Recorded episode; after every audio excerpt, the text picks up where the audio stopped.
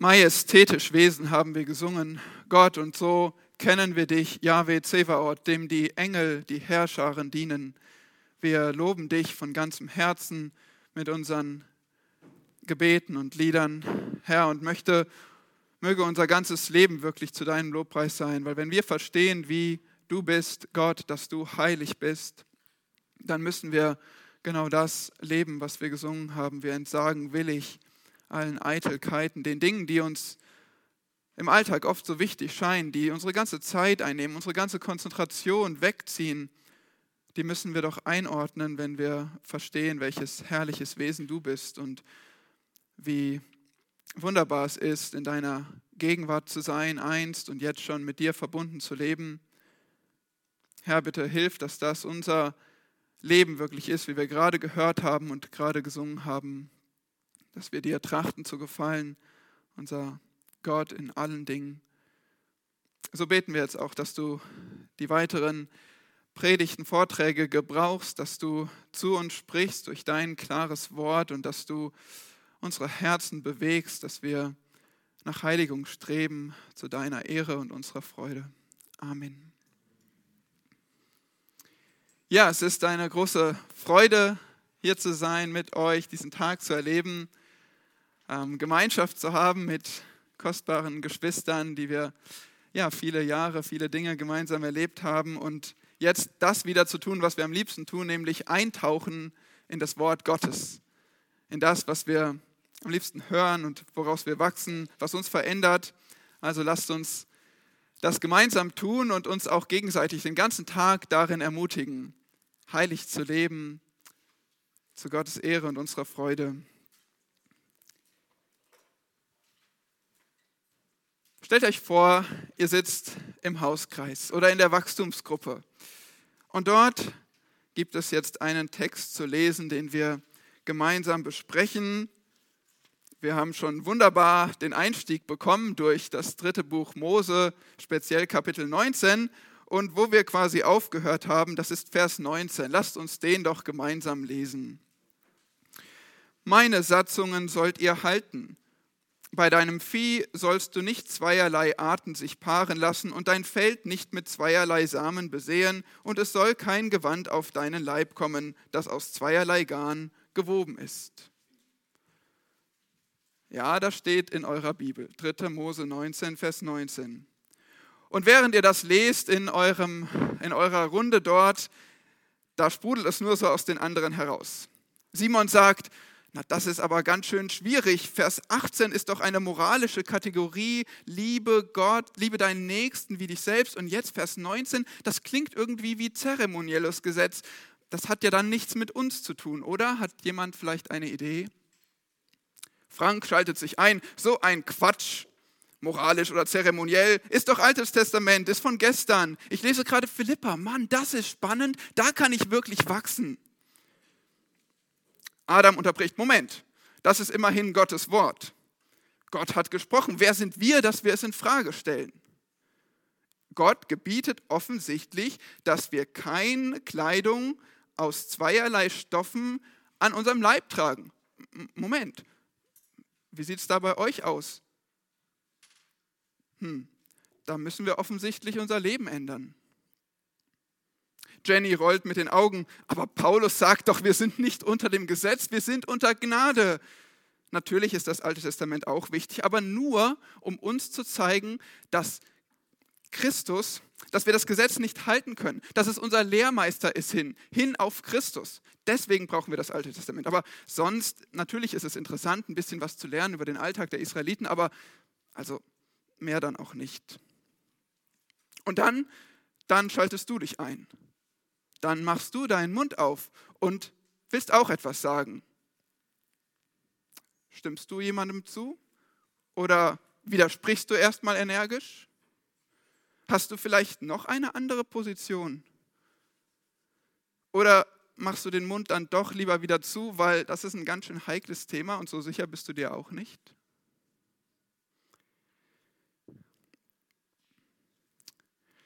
In jedem Fall bist du hier genau richtig, weil wir wollen uns gemeinsam erarbeiten, wie verstehen wir das Gesetz Gottes im Alten Testament, wie ordnen wir es ein und wie verhalten wir uns als Christen auf dieser Basis? Wir wollen nicht zu viel, aber auch nicht zu wenig mit dem Gesetz Israels machen. Ich weiß nicht, wie es dir ging, als du das Thema gelesen hast, Gesetz und Heiligung. Vermutlich nicht dein Lieblingsthema, vermutlich weckt es bei dir keine angenehmen Gefühle. Viele noblen Absichten, die Bibel durchzulesen, enden in 3. Mose, 4. Mose, 5. Mose. Viel Verwirrung gibt es. Viel Verwirrung wegen großen Unterschieden in der Zeit, in der Geografie, in der Kultur, in den Bräuchen. Es gibt eine sehr, wir leben in einer sehr anderen Gesellschaft, oder? Wenn ihr so dritte Mose, fünfte Mose durchlest, dann denkt ihr bei manchen Dingen, hm, steht das wirklich da? Oder du fragst, ich verstehe ich, was ich lese? Das ist wirklich nicht immer ganz einfach. Vielleicht sagst du, ich habe es schon verstanden, aber was hat das jetzt wirklich mit mir zu tun? Muss ich das genauso auch umsetzen? Nun, es gibt viel darüber zu lesen. Viele Gelehrte, die ihre Positionen haben, wie wir das Gesetz Israels verstehen und anwenden sollten. Aber woher weiß ich, ob die recht haben? Es gibt keinen Konsens unter den Gelehrten. Und dann hängt doch ganz schön viel davon ab, was du für eine Antwort hier gibst. Es betrifft dein ganzes Leben. Es betrifft deinen Speiseplan, deinen Kleidungsstil, deine Feiertage, deinen Umgang mit Tieren, deine Anbetungspraktiken. Es betrifft dein ganzes Leben, wie wir auch vorhin schon gehört haben. Und so gibt es Gefahren in jede Richtung. Es gibt die Gefahr auf der einen Seite der Überbetonung des Gesetzes. Da lesen wir in Matthäus 23, Vers 4, wie der Herr Jesus sagt, die Schriftgelehrten und Pharisäer binden nämlich schwere und kaum erträgliche Bürden und legen sie den Menschen auf die Schultern. Sie aber wollen sie nicht mit einem Finger anrühren. Es gibt die Gefahr der Überbetonung des Gesetzes. Es gibt aber andererseits auch die Gefahr der Unterbetonung, der Ignoranz gegenüber dem Gesetz. Da kennt ihr 2 Timotheus 3, Vers 16 gut. Dort heißt es, ein Teil der Schrift ist von Gott eingegeben und nützlich zur Be okay. Alle, alle Schrift, alle Schrift, das gesamte Alte Testament ist von Gott eingegeben und nützlich. Nützlich zur Belehrung, zur Überführung, zur Zurechtweisung, zur Erziehung in der Gerechtigkeit. Und deshalb sollten wir, sollten wir wissen, was Gott von uns heute will und was Gott uns mit dem Gesetz zu sagen hat. Inwiefern ist das Gesetz für uns nützlich? Wie gehen wir das an? Drei Schritte.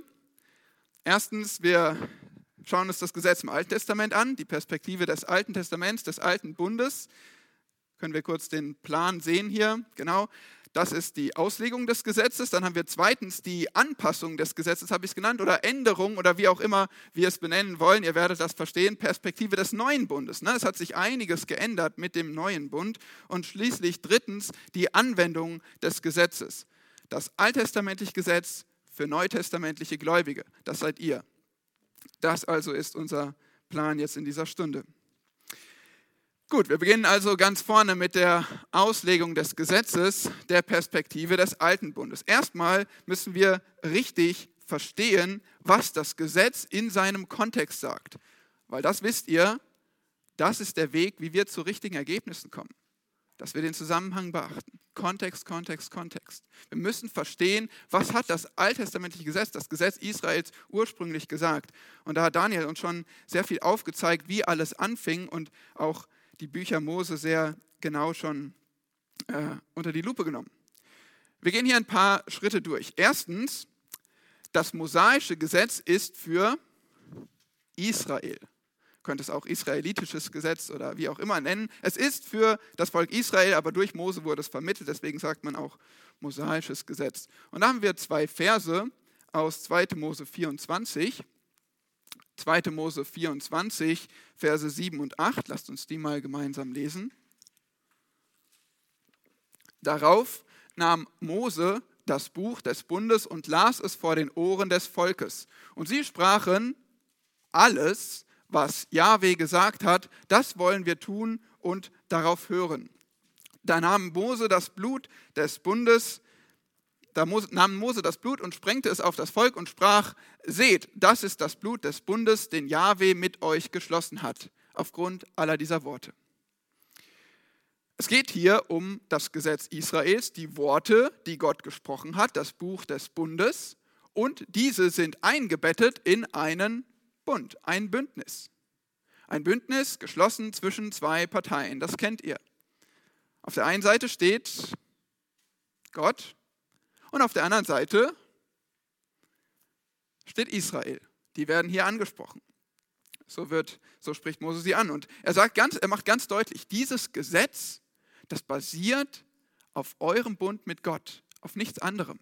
Das kommt nicht einfach aus dem Nichts, das ist nicht einfach irgendwie da für alle Menschen und jeder muss sich an die zehn Gebote halten. Moment, das ist ein Gesetz, das sind Worte, die gibt Gott Israel aufgrund des Bundes, den sie schließen. Was ist mit den Heidenvölkern, den Nationen? Die Bibel sagt explizit, die sind nicht unter dem Bund. Es ist ein Bund zwischen Gott und seinem heiligen, erwählten Volk. Das müssen wir erstmal verstehen. Das Gesetz ist für Israel. Zweitens, das Gesetz ist eine Einheit. Die Bibel spricht vom Gesetz, von der Tora. Das bedeutet, Gesetz oder Unterweisung, Lehre oder im Neuen Testament Nomos. Das ist das Gesetz. Die Bibel spricht von einem Gesetz. Die Bibel spricht nicht von verschiedenen Teilen. Wir sehen keinerlei expliziten Hinweis darauf, dass wir das Gesetz in Teile unterteilen sollten oder dass die Israeliten es so gesehen hätten als ein dreigeteiltes Gesetz. Nein, sie sahen es als das Gesetz, eine Einheit. Und noch deutlicher wird das, wenn man sich zum Beispiel anschaut, die zehn Gebote die ihr alle kennt. Die zehn Gebote, damit beginnt die Ausführung des Gesetzes in 2. Mose 20. Damit beginnt die Ausführung des Gesetzes in 5. Mose 5, wo das Gesetz wiederholt wird. Vermutlich ist das ganze Buch 5. Mose nach dem Gesetz, nach diesen zehn Geboten strukturiert. Wir sehen, dass die zehn Gebote eine ganz einfach die Basis des Gesetzes darstellen. Und die zehn Gebote kennt ihr gut und damit wisst ihr auch schon ziemlich genau, worum es in dem Gesetz geht weil das ganze Gesetz, das ähm, führt nur detaillierter aus, wie es in den zehn Geboten auf den Punkt gebracht ist. Also das Gesetz, das betrachten wir als eine Einheit. Das hat Israel als Einheit betrachtet. Drittens, das Gesetz ist perfekt. Das ist ja interessant. Ne? Also wenn man so durch die einzelnen Bestimmungen liest, dann denkt man sich, hm, also das ist ja ein bisschen überholt vielleicht. Aber warum sage ich, das Gesetz ist perfekt? Was ist perfekt? Gott ist perfekt, niemand sonst. Gott hat dieses Gesetz gegeben. Das ist ganz interessant. Es gibt keinen Gesetzestext auf der ganzen Welt, der so perfekt wäre wie das, was Gott eingegeben hat. Das, was Gott inspiriert hat. Das, was Gott hat aufschreiben lassen. Es ist Gottes perfekte Anwendung seiner Moral, seiner Vorstellung von richtig und falsch. Das finden wir im Gesetz. Aber ja, aber bezogen auf einen bestimmten Kontext, ein bestimmtes zeitliches, geografisches Umfeld für ein bestimmtes Volk, Israel, wie wir gerade gesehen haben. Also einerseits ist das Gesetz perfekt, deswegen suchen wir auch ganz viel Weisheit darin, deswegen ist es uns nützlich, wie wir gerade gelesen haben in 2 Timotheus, aber andererseits, es bezieht sich auf einen bestimmten Kontext. Und das sehen wir ganz, ganz deutlich, äh, wie wie die einzelnen Bestimmungen, ähm, Details ausführen. Ja, aber für uns ist das schon mal eine wichtige Hilfe, wenn wir darüber nachdenken, nach welchen Geboten haben denn die Heiden zu der Zeit gelebt? Oder nach welchen Geboten haben Abraham und Noah vor dem Gesetz, vor dem Bund gelebt? Völlig anderen? Das ist ein Thema für sich, aber wir könnten sehen, schon von der Schöpfung an, das, was Gott in die Menschheit angelegt hat, so wie er seine Moral immer kommuniziert hat, dass da eine ganz große Kontinuität, eine Konstanz, eine Stetigkeit zu sehen ist, Übereinstimmung. Und ebenso können wir lesen, was die Nationen betrifft. Zum Beispiel im, in den Propheten, Buch Amos, die ersten zwei Kapitel. Da werden die ganzen Nationen angeklagt. Es wird gesagt, was ihr alles getan habt, wie ihr gesündigt habt gegen Gott, ihr Nationen. Und Gott richtet sie dafür. Warum? Weil sie wussten, was richtig und falsch ist. Interessanterweise sagt Gott da nicht, ah, schau mal hier, äh, Nation XY, 5. Mose 23 sagt dir doch das, das hättest du tun sollen. Nein.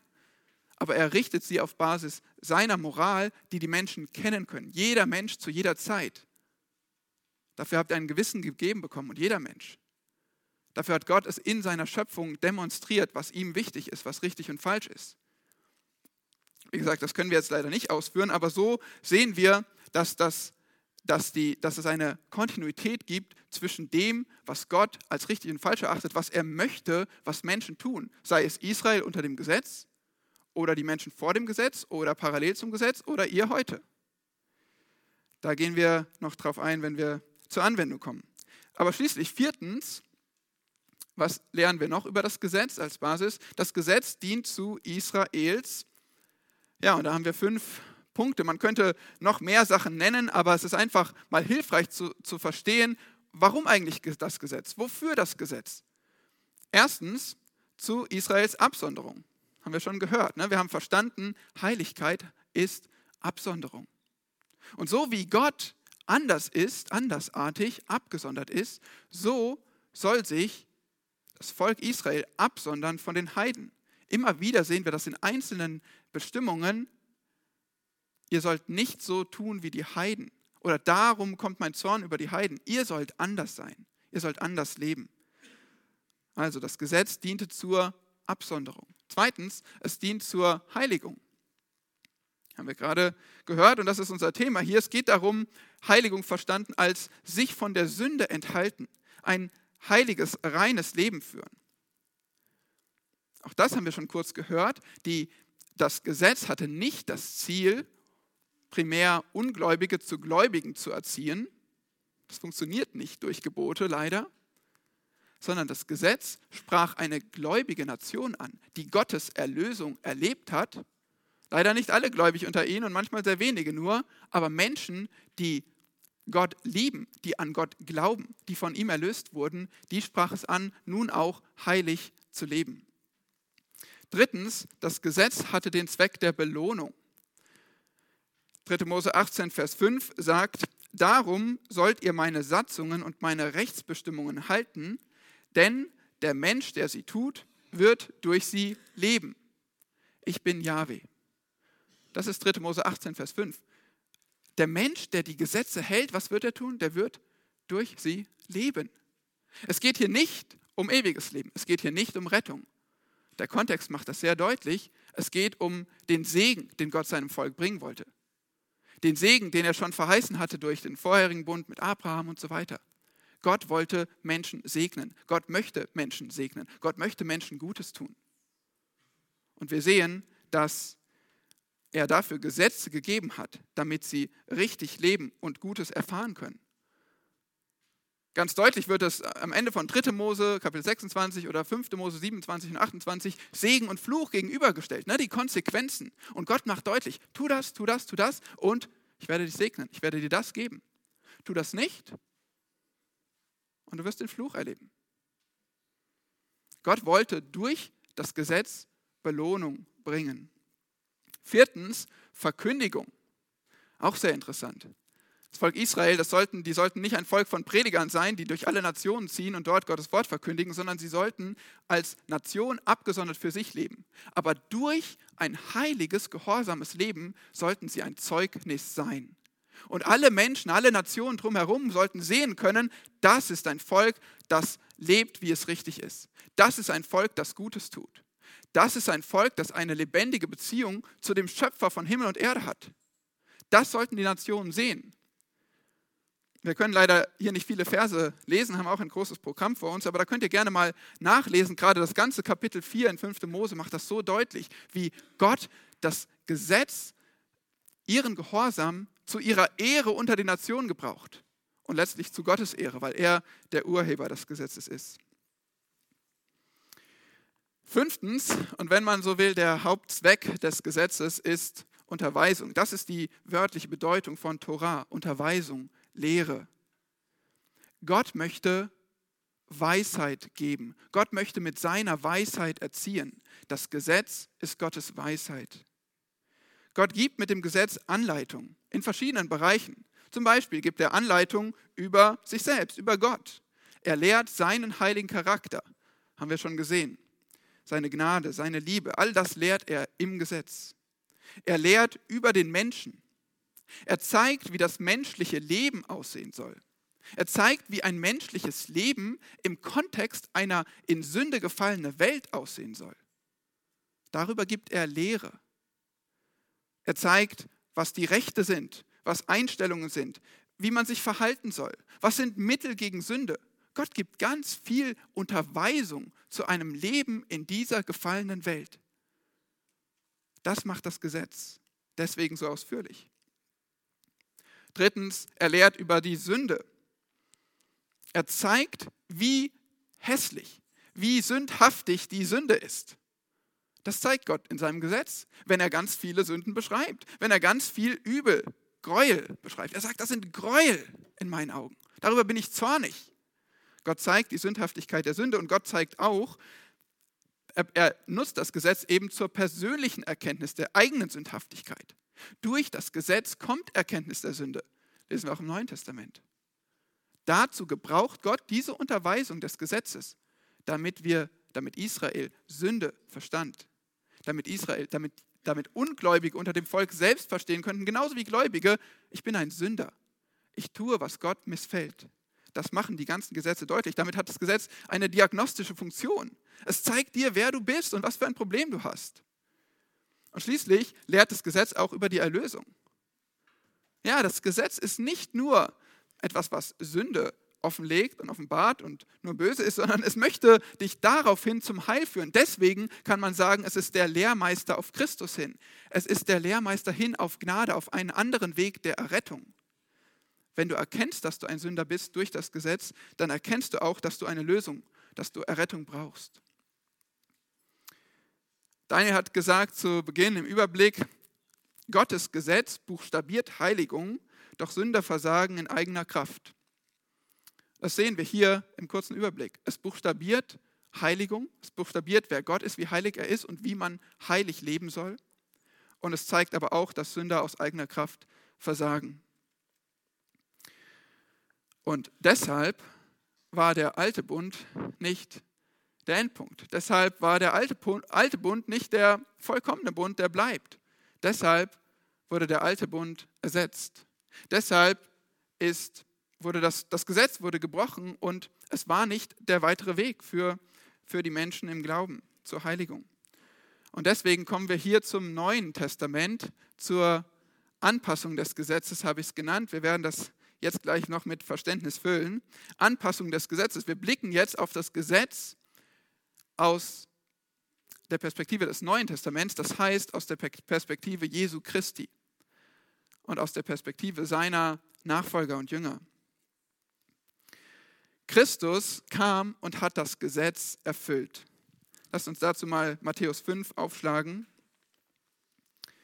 Matthäus Kapitel 5, ein Text, den ihr gut kennt, der sehr spannend ist, wo man viel Zeit auch mit verbringen könnte, aber der ist sehr entscheidend, um genau diesen Punkt zu verstehen. Wie hat Christus das Gesetz erfüllt?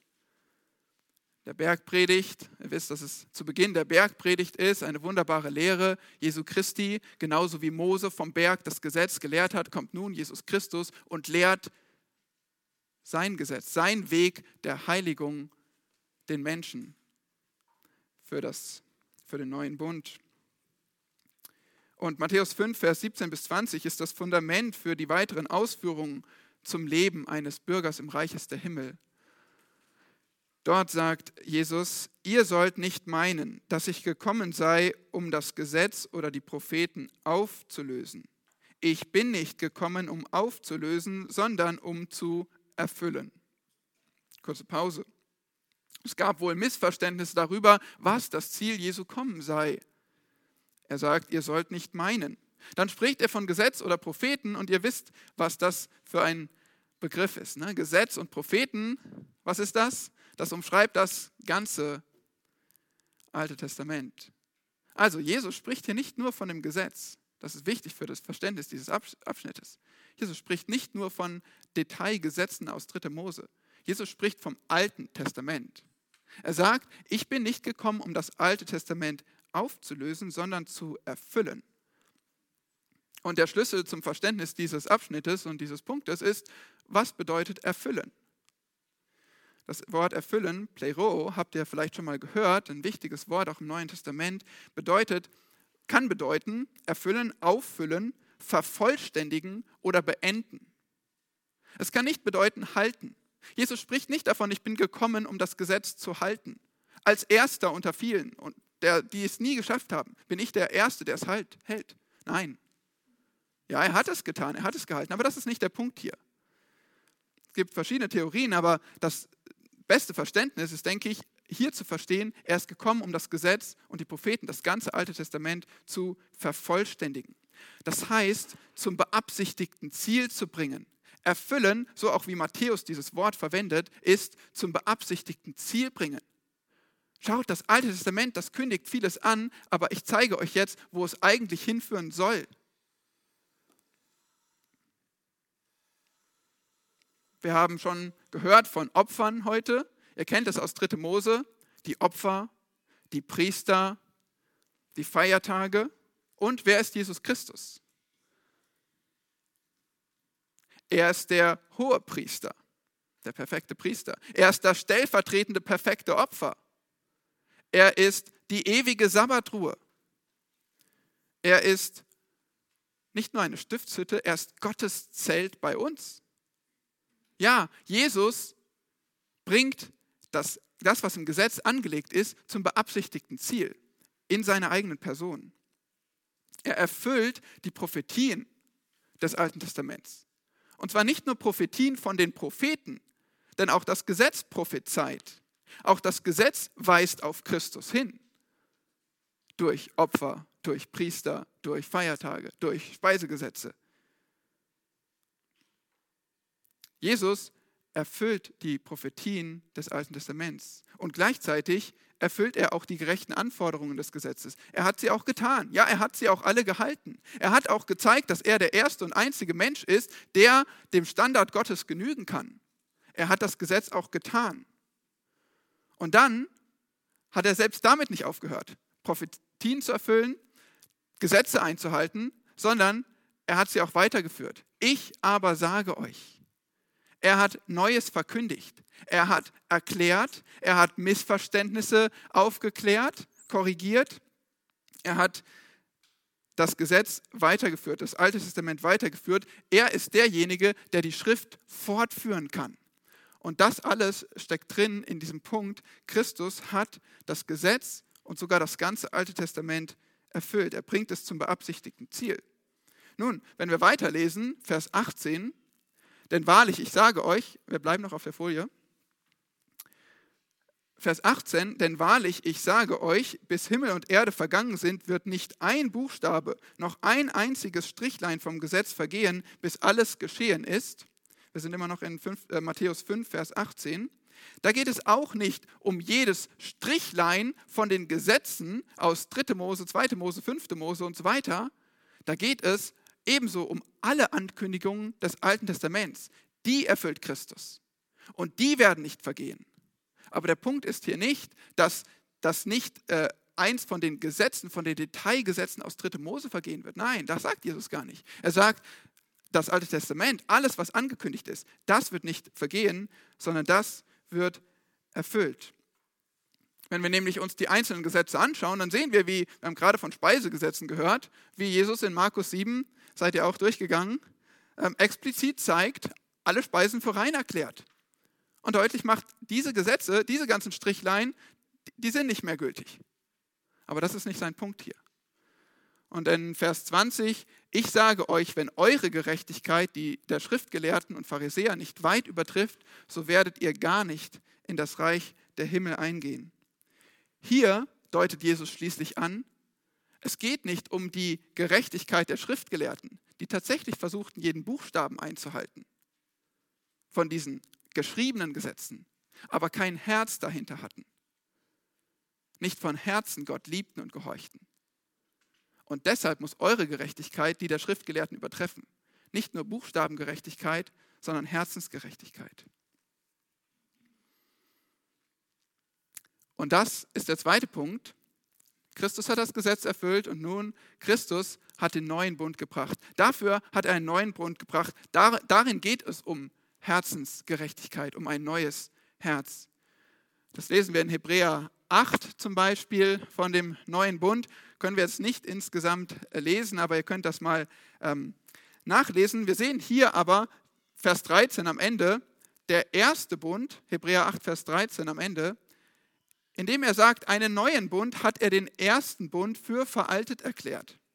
Was aber veraltet ist und sich überlebt hat, das wird bald verschwinden. Der alte Bund, dieser Bund zwischen Israel und Gott, dieser Bund, auf dessen Fundament das Gesetz liegt, dieser ist der erste Bund, der alte Bund. Der ist für veraltet erklärt und verschwunden. Stattdessen hat er einen neuen Bund eingesetzt. Ihr wisst, wann er den eingesetzt hat. Denken wir immer wieder dran im Mahl des Herrn. Ja, in der Nacht vor seinem Tod. Jesus hat den neuen Bund eingesetzt. Es gibt nun einen neuen Bund. Der alte Bund ist vergangen. Der alte Bund erwies sich letztlich als unzureichend, um sündige Menschen zu den versprochenen Segnungen, Belohnungen zu bringen. Deshalb brauchte es hier einen neuen Bund. Und dieser neue Bund, der war schon angekündigt im Alten Testament, Jeremia 31. Sehen wir es, wie der neue Bund angekündigt wird und genau das wird auch hier zitiert. Und dieser neue Bund, der ist einerseits ähnlich dem alten Bund, andererseits total verschieden. Beides ist wichtig. Er ist ähnlich darin, dass er den alten Bund erneuert und vorantreibt. Er greift das auf. Er greift die gleiche Moral Gottes. Die gleiche Unterweisung, die greift der neue Bund auf und führt sie fort.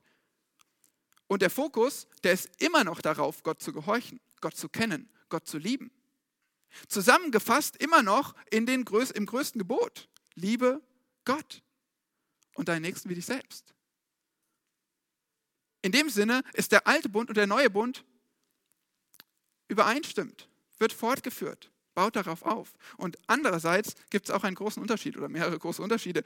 Aber der, der Unterschied ist, hier gibt es einen größeren Mittler, nicht nur Mose, sondern Jesus selbst, Gott selbst, der durch sein eigenes Blut diesen Bund eingesetzt hat. Wow, das war eine Veränderung im Vergleich zum ersten Bund. Dieser Bund ist nicht nur zwischen Israel und Gott, sondern zwischen Israel und den ganzen Nationen und Gott allen Gläubigen aus den Nationen, der ganzen Gemeinde. Der neue Bund, der wird nicht vergehen, der wird nicht für veraltet erklärt. Der neue Bund ist für ewig. Der wird garantiert, er garantiert ewige Vergebung und Wiederherstellung. Es braucht kein Update vom neuen Bund. Und ganz entscheidend, das seht ihr auch hier in dem Zitat, Vers 10, ich will ihnen meine Gesetze in den Sinn geben und sie in ihre Herzen schreiben. Gott verändert das Herz. Jeder, der mit ihm in den neuen Bund eintritt, der bekommt ein verändertes, ein neues Herz. Hesekiel 36 ergänzt, dass wir nicht nur innerlich neu gestaltet werden, ein neues Herz bekommen, neue Menschen werden, sondern dass wir zusätzlich etwas bekommen von Gott. Hesekiel 36, 26 und 27. Was bekommen wir von Gott? Den Heiligen Geist. Ja, er gestaltet uns neu, er macht uns zu neuen Menschen und er gibt uns seinen Geist. Er selbst nimmt Wohnung in uns. Das war nicht so unter dem alten Bund. Da gab es viele, die unter diesem Bund standen mit dem Volk Israel, aber überhaupt nichts von Gott wissen wollten, überhaupt nicht ihm gehorchen wollten. Nur Buchstabengerechtigkeit gelebt haben, den Heiligen Geist nicht in sich wohnen hatten. Im neuen Bund ist das anders. Und deshalb braucht es auch kein Update des neuen Bundes, weil der Heilige Geist garantiert, dass nun die Gerechtigkeit Gottes gehalten werden kann, dass nun die Menschen heilig leben können, so wie Gott heilig ist.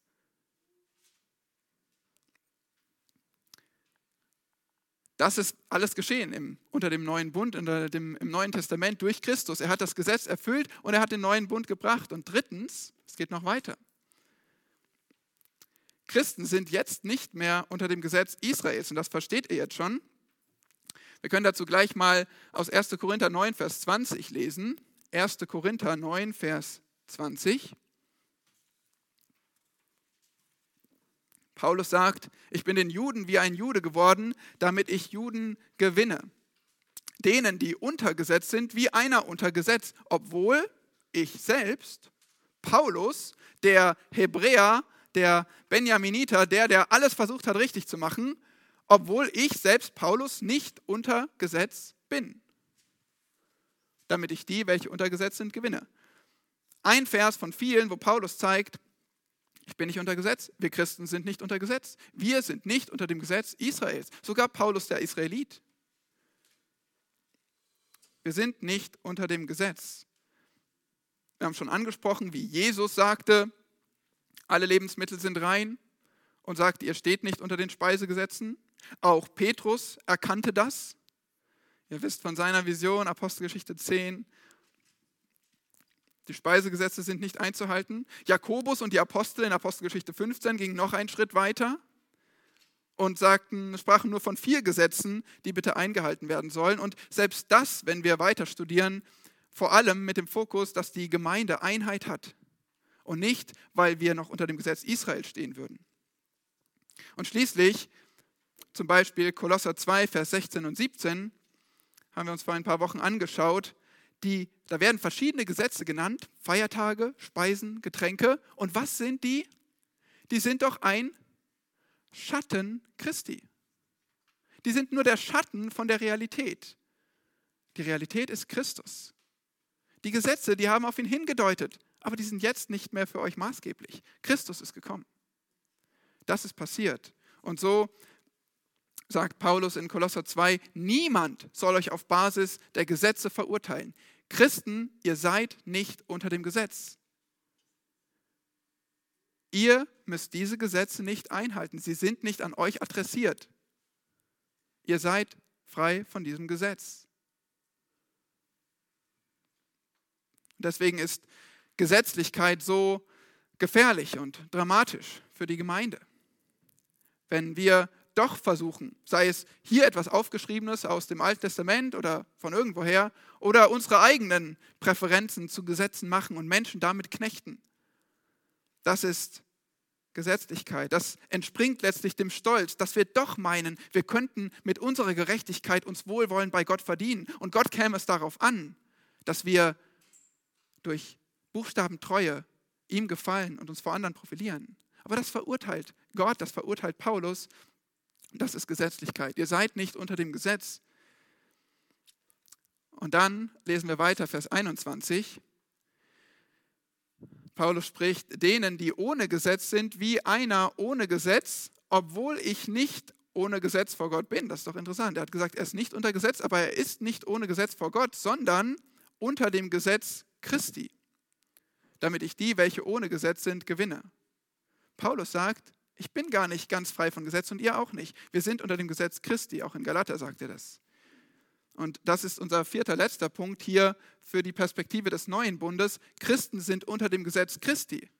Ja, ihr habt schon gedacht, ihr seid ohne Gesetz. Ja, ja. Aber ihr seid unter einem Gesetz. Ihr seid unter dem Gesetz Christi.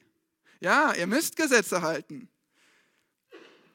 Was ist das Gesetz Christi? Jemand eine Idee? Was ist das Gesetz Christi? Finden wir irgendwo eine schöne Liste, die unsere Kleidung, Kleidungs- und äh, Samen fürs Feld und alles Mögliche regelt?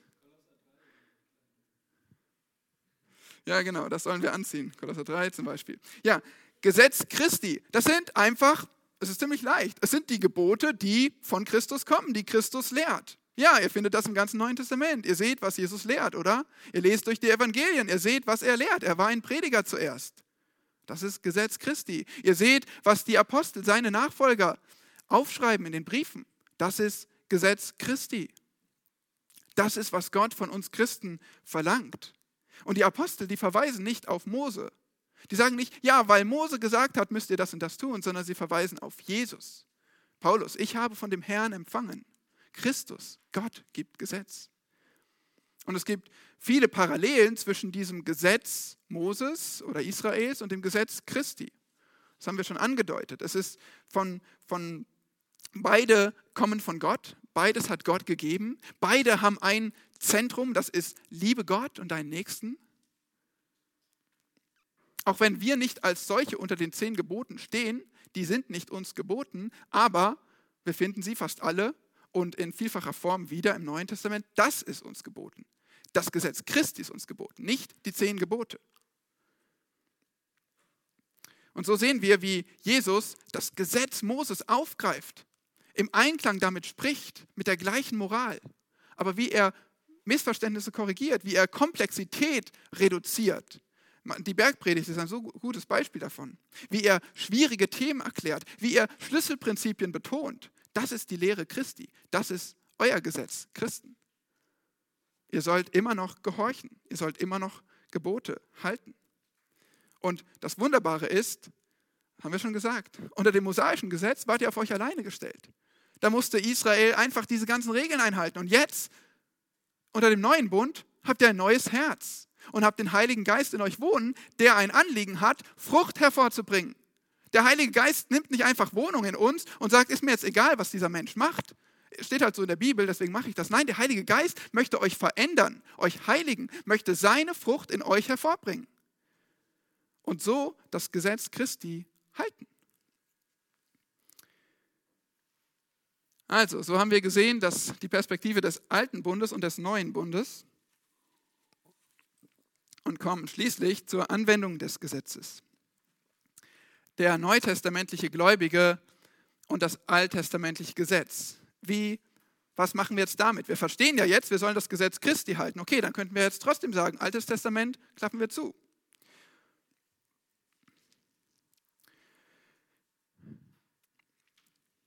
Wir fragen uns, wir stellen uns als letztes jetzt die Frage, inwiefern ist das Gesetz Israels trotzdem noch von Bedeutung für uns? Immerhin ein ziemlich großer Teil der Schrift, immerhin von Gott gegeben, immerhin auf der gleichen Moral basierend wie das neue, wie das Gesetz Christi. Inwiefern ist es nützlich für uns? Inwiefern erwartet Gott sogar von dir, dass du das Gesetz Israels liest und verstehst und sogar anwendest? Das ist unsere letzte Frage. Und es gibt einige, wie Jenny, die betonen die Diskontinuität, die Unstetigkeit, den Bruch zwischen den Gesetzen, zwischen dem Gesetz Christi und dem Alten Bund. Aber wir sagen auch Jenny, nein, das Gesetz, das hat Wert. Pass mal auf, das Gesetz ist Gottes Weisheit. Und dann gibt es andere wie Adam, die die Kontinuität überbetonen. Die sagen, ja, ist ja der gleiche Gott, gleiches Gesetz. Gesetz hat Wert, aber Moment, das Gesetz Israels war für Israel bestimmt und der alte Bund ist gebrochen. Das müssen wir den Adams sagen. Also den Menschen wie Adam, die solche Theorien haben. Okay, ähm, was, was können wir dem entgegnen? Wir wollen ja irgendwie noch ein bisschen mehr dazu sagen können. Kontinuität überbetonen man nennt das, oder die, diese Sichtweise nennt sich auch Theonomie. Vielleicht habt ihr das schon mal gehört. Stecken die Worte drin, die wir kennen. Theos, Gott und Nomos, Gesetz. Ja, Gottes Gesetz. Und es wird einfach betont, es ist doch Gottes Gesetz im Alten Testament. Also müssen wir es doch bitte halten. Sie wollen sogar die Zivilgesetze, wie sie sie nennen, anwenden, also das, was Gott reguliert für den Staat, für das Zusammenleben miteinander, inklusive der vorgesehenen Strafen im Alten Testament. Und ihr kennt die Strafen der Gesetze. Das wollen sie weiterhin einhalten, umsetzen. Was ist das Problem an dieser Sicht? Das Problem ist, ganz richtig, wir haben erstmal keine Theokratie. Wir haben nicht ein Volk Israel, das Gott regiert durch sein Gesetz. Daniel fragt nach der Stiftshütte. Also, es hat sich einiges geändert. Und du willst jetzt trotzdem dieses Gesetz hier reinstülpen? Das ist eine Schwierigkeit. Die Gesetze, die waren speziell für diesen Kontext gegeben. Einige von denen kannst du gar nicht umsetzen.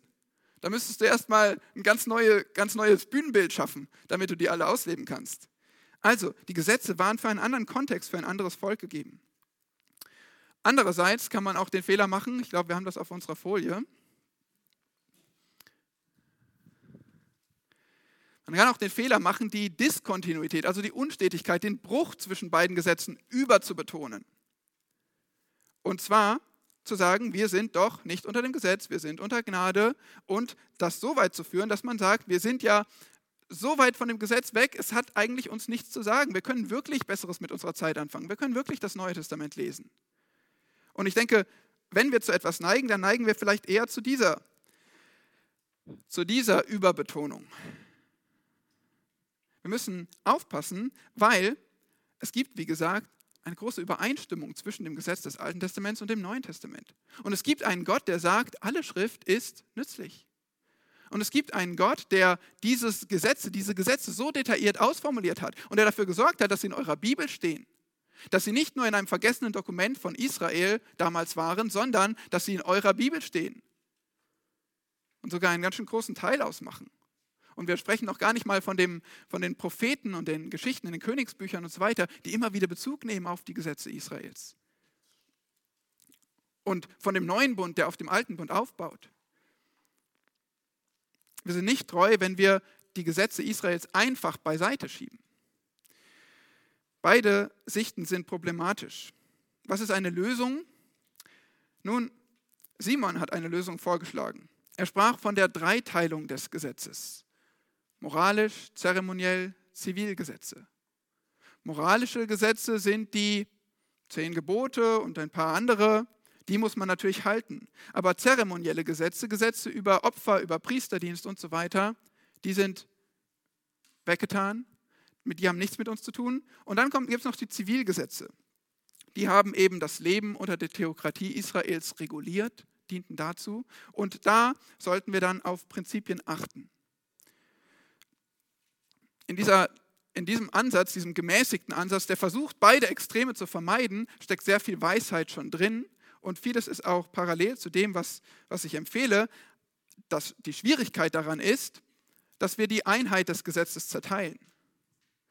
Wir haben das gesehen, 3. Mose 19, Vers 18, da heißt es, liebe deinen Nächsten wie dich selbst. Ja, moralisch, das müssen wir tun. 3. Mose 19, 19, äh, Kleidung nicht aus unterschiedlichen Stoffen tragen. Mhm. Also dann beginnt hier offensichtlich zeremoniell. Und dann liest du weiter und dann siehst du der Umgang zwischen äh, Gebote über, ähm, über Unzucht, über äh, diese Themen und dann sagst du, naja, das ist ja jetzt aber auch im zeremoniellen Bereich oder was. Und du kommst irgendwie durcheinander und du sagst, naja, die zehn Gebote sind moralisch, aber da gibt es doch auch das Sabbatgebot. Wenn das moralisch ist, dann müsst ihr es doch auch halten. Aber ihr haltet es nicht. Warum? Da wird meiner Meinung nach eine Dreiteilung, eine Teilung des Gesetzes, dem Gesetz aufgezwungen, die das Gesetz nicht selbst lehrt. Das Gesetz ist eine Einheit. Alle Gesetze sind theologisch. Alle Gesetze lehren über Gott und den Menschen die Sünde und die Erlösung. Und das ganze Gesetz Israels, auch das darf man nicht vergessen, ist mit dem alten Bund aufgehoben. Gott hat nicht gesagt, der alte Bund ist gebrochen, aber die zehn Gebote bleiben bestehen und von den Zivilgesetzen bleibt das und das bestehen. Nein, sondern das ganze Gesetz ist weggetan. Deswegen denke ich, die sinnvollste Lösung für uns ist, dass wir Prinzipien des Gesetzes, und zwar aller Gesetze, verstehen und diese anwenden. Weil Gott derselbe ist, sein Wesen das gleiche ist, sich nicht verändert hat, weil seine Moral sich nicht verändert hat, seine Werte, weil die Schöpfung und die Menschen dieselben geblieben sind, weil das mosaische Gesetz Weisheit gibt Anleitung, Unterweisung, weil es gut ist. Das Gesetz ist gut, sagt Paulus. Deshalb sollten wir darauf hören. Aber wir hören darauf in unserem Verständnis des neuen Bundes, das, was Christus getan und gelebt hat. So hören wir auf das Alte Testamentliche Gesetz. Und so versuchen wir es anzuwenden. Das Wunderbare daran ist, dass genau das Christus und die Autoren des Neuen Testaments uns vorgelebt haben. Christus hat selbst das Gesetz bestätigt und es vervollständigt und übergeleitet in, in das Gesetz Christi. Die neutestamentlichen Autoren, allen voran Paulus, beziehen sich auf alttestamentliche Gesetze, sehen Prinzipien und wenden diese auf den Kontext der Gemeinde an. Ihr kennt Beispiele. Wir kennen zum Beispiel auf der nächsten Folie 5. Ähm, Mose 25, Vers 4. Und darauf nimmt Paulus in 1. Korinther 9 Bezug. Zitiert. 1. Korinther 9, Vers 9. Ja, im Gesetz Moses steht geschrieben, du sollst dem Ochsen nicht das Maul verbinden, wenn er drischt. Und Paulus sagt, seid ihr Israel? Ist das euer Gesetz? Geht es hier um euch? Kümmert sich Gott etwa um die Ochsen? Zitiere ich das, weil ich euch was über Ochsen beibringen will? Nein, Vers 10, sagt er das nicht vielmehr um unseretwillen, liebe Gemeinde. Denn es ist ja um unseretwillen geschrieben worden, der, welcher pflügt, soll auf Hoffnung hin pflügen und der, welcher drischt, soll auf Hoffnung hin dreschen, dass er an seiner Hoffnung auch Anteil bekommt. Es geht um das Prinzip, dass wer arbeitet, der soll auch davon leben können, davon profitieren können. Und so nimmt Paulus ein Gesetz des Alten Testaments und hättet ihr es einfach nur gelesen, 5. Mose 25, ihr hättet es vielleicht überlesen und gedacht, was Ochsen, das interessiert mich nicht. Aber Paulus sagt, das hat einen Wert. Das hat sogar so viel Wert, dass ich euch deshalb belehre, was ihr tun sollt, Gemeinde. Das ist der Umgang mit dem Gesetz, den wir zum Beispiel bei Paulus sehen. Anderes Beispiel ist 1. Korinther 5, wo er sagt, überhaupt hört man von Unzucht unter euch, und zwar von einer solchen Unzucht, die selbst unter den Heiden unerhört ist, dass nämlich einer die Frau seines Vaters hat. Das war explizit als Unzucht, als Gesetz, als böse beschrieben in 3. Mose 18, da sind wir wieder, 3. Mose 18, Vers 8. Und Paulus sagt, das ist Unzucht, das ist falsch. Das zeigt Gott in seinem Wort. Und dann sagt Paulus, so, was macht ihr jetzt mit dem? Mit dieser Person, die das getan hat. 3. Mose 18, Vers 8. Und dann sehen wir da, was die, was die Konsequenz ist für solche Sünden, die dort genannt werden. Das ist, diese Person zu töten. Okay, und sagt Paulus jetzt, jetzt wird dieser Mensch oder diese Menschen, die da beteiligt sind, die werden umgebracht. In 1. Korinther 5, das wüsstet ihr, oder? Wir können uns das jetzt nicht im Detail anschauen, aber er sagt, diese Person wird ausgeschlossen aus der Gemeinde. Das ist ganz interessant. Es geht immer noch um die gleiche Moralvorstellung, was richtig und falsch ist. Und es geht immer noch darum, dass der, der unheilig lebt, rauskommt aus der Gemeinschaft. Im Gesetz Israels bedeutete das, du verlierst dein Leben, du stirbst, wirst umgebracht. Hier sagt Paulus, du wirst aus der Gemeinde ausgeschlossen. Das ist auch eine Art Tod, ein Ausschluss aus dem Folge Gottes. Und du musst erkennen, dass du nicht nach Gottes Maßstäben lebst, dass du wahrscheinlich kein Christ bist. Also wir sehen interessanterweise hier, die Moral ist die gleiche, aber Paulus wendet nicht eins zu eins das alttestamentliche Gesetz an, sondern passt es an den, an den Kontext der Gemeinde an. Gleiche Moral, andere Konsequenz. Ja, Prinzipien verstehen und anwenden. Die Punkte habt ihr, glaube ich, auch auf eurem Handout, die jetzt kommen. Das sind einfach ein paar praktische Vorschläge zum Vorgehen. Ähm, wenn ihr denn solchen Gesetzen im Alten Testament jetzt begegnet, und es gibt eine ganze Menge davon, und wir haben jetzt nicht irgendwie alle möglichen Beispiele uns anschauen können, aber wenn du so ein Gesetz liest, dann frag dich, was bedeutete das Gebot für die ursprünglichen Empfänger? Damit fangen wir an. Die Bedeutung verstehen, studieren, nachfragen. Und dann fragen wir uns ganz konkret zweitens, wie unterscheidet sich die Situation der Empfänger von uns? Weil es ist, wie gesagt, ein komplett anderer Kontext damals in Israel unter dem Gesetz und wo ihr euch heute befindet. Drittens, welche universellen Prinzipien erkennst du im Gebot? Ja, wir fragen nach den Prinzipien, nach dem, was richtig und falsch ist, damals wie heute. Was erkennst du darin? Und da kann dir auch der, das restliche Alte Testament helfen, zum Beispiel die Sprüche. Wir sehen, wie Gott immer wieder aufzeigt, was gut und böse ist. Dann fragst du dich viertens konkret, was lehrt das Neue Testament bezüglich der Prinzipien? Weil häufig greift das Neue Testament schon etwas auf, so wie wir es hier gesehen haben in 1. Korinther, dass das Neue Testament uns lehrt, was richtig und falsch ist. Und wir wollen dieses Verständnis gebrauchen, wenn wir uns mit alttestamentlichen Gesetzen beschäftigen. Und schließlich fünftens, wie kannst du die Prinzipien im Lichte des Neuen Testaments anwenden? Weil wir wollen nicht einfach nur verstehen und Experten im alttestamentlichen Gesetz werden. Das wäre nicht weiter hilfreich und das wäre nicht im Sinne der Heiligung, sondern es ist nützlich, das Gesetz zur Belehrung, zur Überführung, zur Zurechtweisung, zur Unterweisung in der Gerechtigkeit. Dazu ist auch die Schrift des Alten Testaments gegeben. Das heißt, wir fragen uns, wie sollen wir es anwenden.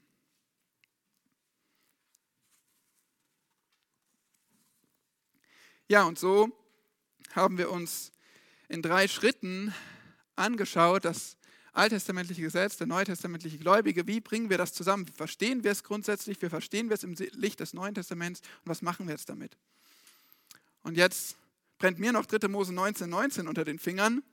Wir haben ja ein bisschen später angefangen, jetzt eine längere Pause. Da kommen wir jetzt noch kurz drauf zurück. 3. Mose 19, Vers 19. Du hast ja noch nicht deine Antwort gegeben. Ne? Ich habe dich ja gefragt, der Adam und der Frank und die Jenny, die haben alle schon ihren Senf dazu gegeben, Simon auch. Aber was sagst du jetzt? Hoffentlich einen Schritt weiter, einen Schritt weiter, wie du mit so einem Gesetz umgehst. Nun, erstmal haben wir gesagt, wir müssen es ja verstehen. Wir müssen es in seinem Kontext, in der Situation der Empfänger verstehen. Und wir können das jetzt nur ganz, ganz kurz anreißen, also gerne mit weiteren Fragen später noch kommen oder selbst mal studieren. Aber interessant ist hier auf alle Fälle, es geht immer um diese zweierlei Arten, zweierlei Samen, zweierlei Garn. Es geht um Gemische in diesem Gebot 3. Mose 19, 19. Bei deinem Vieh sollst du nicht zweierlei Arten sich paaren lassen und dein Feld nicht mit zweierlei Samen besehen. Und es soll kein Gewand auf deinen Leib kommen, das aus zweierlei Garn gewoben ist. Es geht um Gemische. Was geht 3. Mose 19 voraus? hinsichtlich des Gesetzes, ja, Nächstenliebe, Vers 18, äh, genau, aber hinsichtlich des Gesetzes haben wir schon in 2. Mose 20 geht es los mit dem Gesetz, 2. Mose 25 bis 40, da sehen wir ganz viele Bestimmungen über Priester, über Stiftshütte. Wir sehen da zum Beispiel, wie es ganz viele Gemische gibt. Das ist ganz interessant. Das Ephod, die Brustplatte vom Hohenpriester, die Schärpen von den Hohepriester und den normalen Priestern, Gemische die Stoffe gemischt, Bestandteile vom Heiligtum, vom Vorhang, von Außenwänden. Dann sehen wir, das Salböl ist ein Gemisch. Und dieses Salböl, da heißt es, das darf nicht auf Körper einer normalen Person gelangen oder nachgemacht werden. Sonst muss diese Person ausgerottet werden vom Volk. Wir sehen, wir lesen von Weihrauch, da steht das Gleiche da. Wer dieses nachmacht, dieses Gemisch anwendet im normalen, im alltäglichen Gebrauch, der soll ausgerottet werden. Also wenn wir uns den Kontext anschauen, dann sehen wir hier, dass Gemische gerade im Kontext von diesen Geboten rund um die Anbetung Gottes für die Anbetung Gottes gebraucht wurden und nicht für das alltägliche Leben. Dann gibt es noch 5. Mose 22, Vers 9, weil es gibt ja die Auslegung des Gesetzes für die zweite Generation in 5. Mose, wie ihr wisst. Gehen wir mal weiter, 5. Mose 22, Vers 9 gibt es noch ein paar mehr Verse, aber wir lesen nur den ersten davon. Da heißt es, du sollst deinen Weinberg nicht mit zweierlei Samen besehen, damit nicht das Ganze dem Heiligtum verfällt, der Same, den du gesät hast und der Ertrag des Weinbergs. Das hilft uns weiter, oder? Ein Stück? Ja. Nämlich dieses, wenn du zweierlei Samen nutzt, dann sorgst du automatisch dafür, dass diese Samen, dieser Ertrag davon, dass der heilig ist, Gott geweiht, dem Heiligtum verfällt. Deswegen solltest du es besser nicht tun, weil sonst ist dein ganzer Ertrag weg. Und du kannst aber auch nicht den Schritt machen, dass du sagst, ah, ich habe jetzt halt unterschiedliche Samen genutzt und jetzt äh, brauche ich das doch aber zum Leben. Und sagt Gott, nee, Moment, das ist, du kannst es nicht mehr alltäglich gebrauchen. Es ist nicht für den normalen Gebrauch bestimmt, weil Gott ist anders und Gott möchte seine Heiligkeit betonen. Gott lehrt seine Heiligkeit durch Gesetze. Und das ist eine wichtige Beobachtung hier, wenn wir uns diese ähm, doch interessanten Gebote anschauen, dass Gott viele Gemische besonders für den Zweck der Anbetung vorgesehen hat. Interessant ist zum Beispiel auch, wenn wir uns die Cherubim anschauen, wahrscheinlich Kreaturen, wenn wir in Hesekiel studieren, dann sehen wir, wie die Kreaturen beschrieben werden mit verschiedenen Köpfen, mit ähm, irgendwie teilweise ähm, äh, Löwe, Ochse, Adler, verschiedene Gesichter. Wir sehen Flügel, wir sehen Sohlen wie von einem Kalb, wir sehen Menschenhände, auch für die Anbetung bestimmt. Und die Cherubim gewoben auf den Vorhang oder auf der Bundeslade, für die Anbetung bestimmt. Und so hatte Gott einfach die Absicht zu zeigen, es gibt Grenzen zwischen dem heiligen Bereich, zwischen der Anbetung Gottes und zwischen dem alltäglichen, persönlichen, normalen Leben. Und du sollst diese Grenzen nicht missachten. Es gibt sicherlich noch viel mehr Weisheit, die in diesen Gesetzen stecken. kannst gerne studieren. Ja, Gottes Weisheit ist auch immer wieder sichtbar in dem, wie er mit der Natur umgeht, wie er mit Tieren umgeht.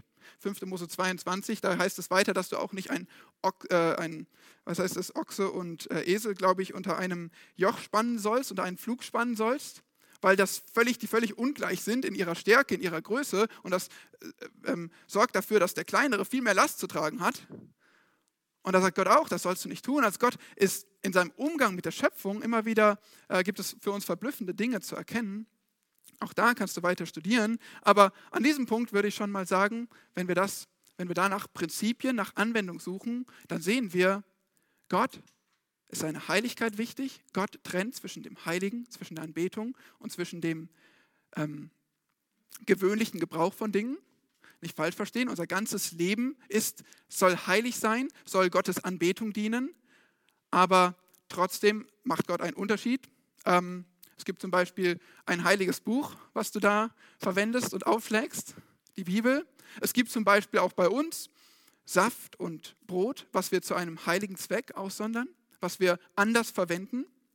Und auch hier, nicht falsch verstehen, ich mache kein Gesetz darüber, wie ihr Traubensaft in eurem Alltag gebrauchen sollt. Ich denke einfach nur, wir sollten darüber nachdenken, wenn wir solche Gesetze sehen, wie können wir in unserem Alltag auch diese Ehrfurcht, diesen Respekt vor Gottes Heiligkeit im Umgang mit Anbetung, im Umgang mit, ja, einfach auch Dingen, die wir für die Anbetung verwenden, einsetzen.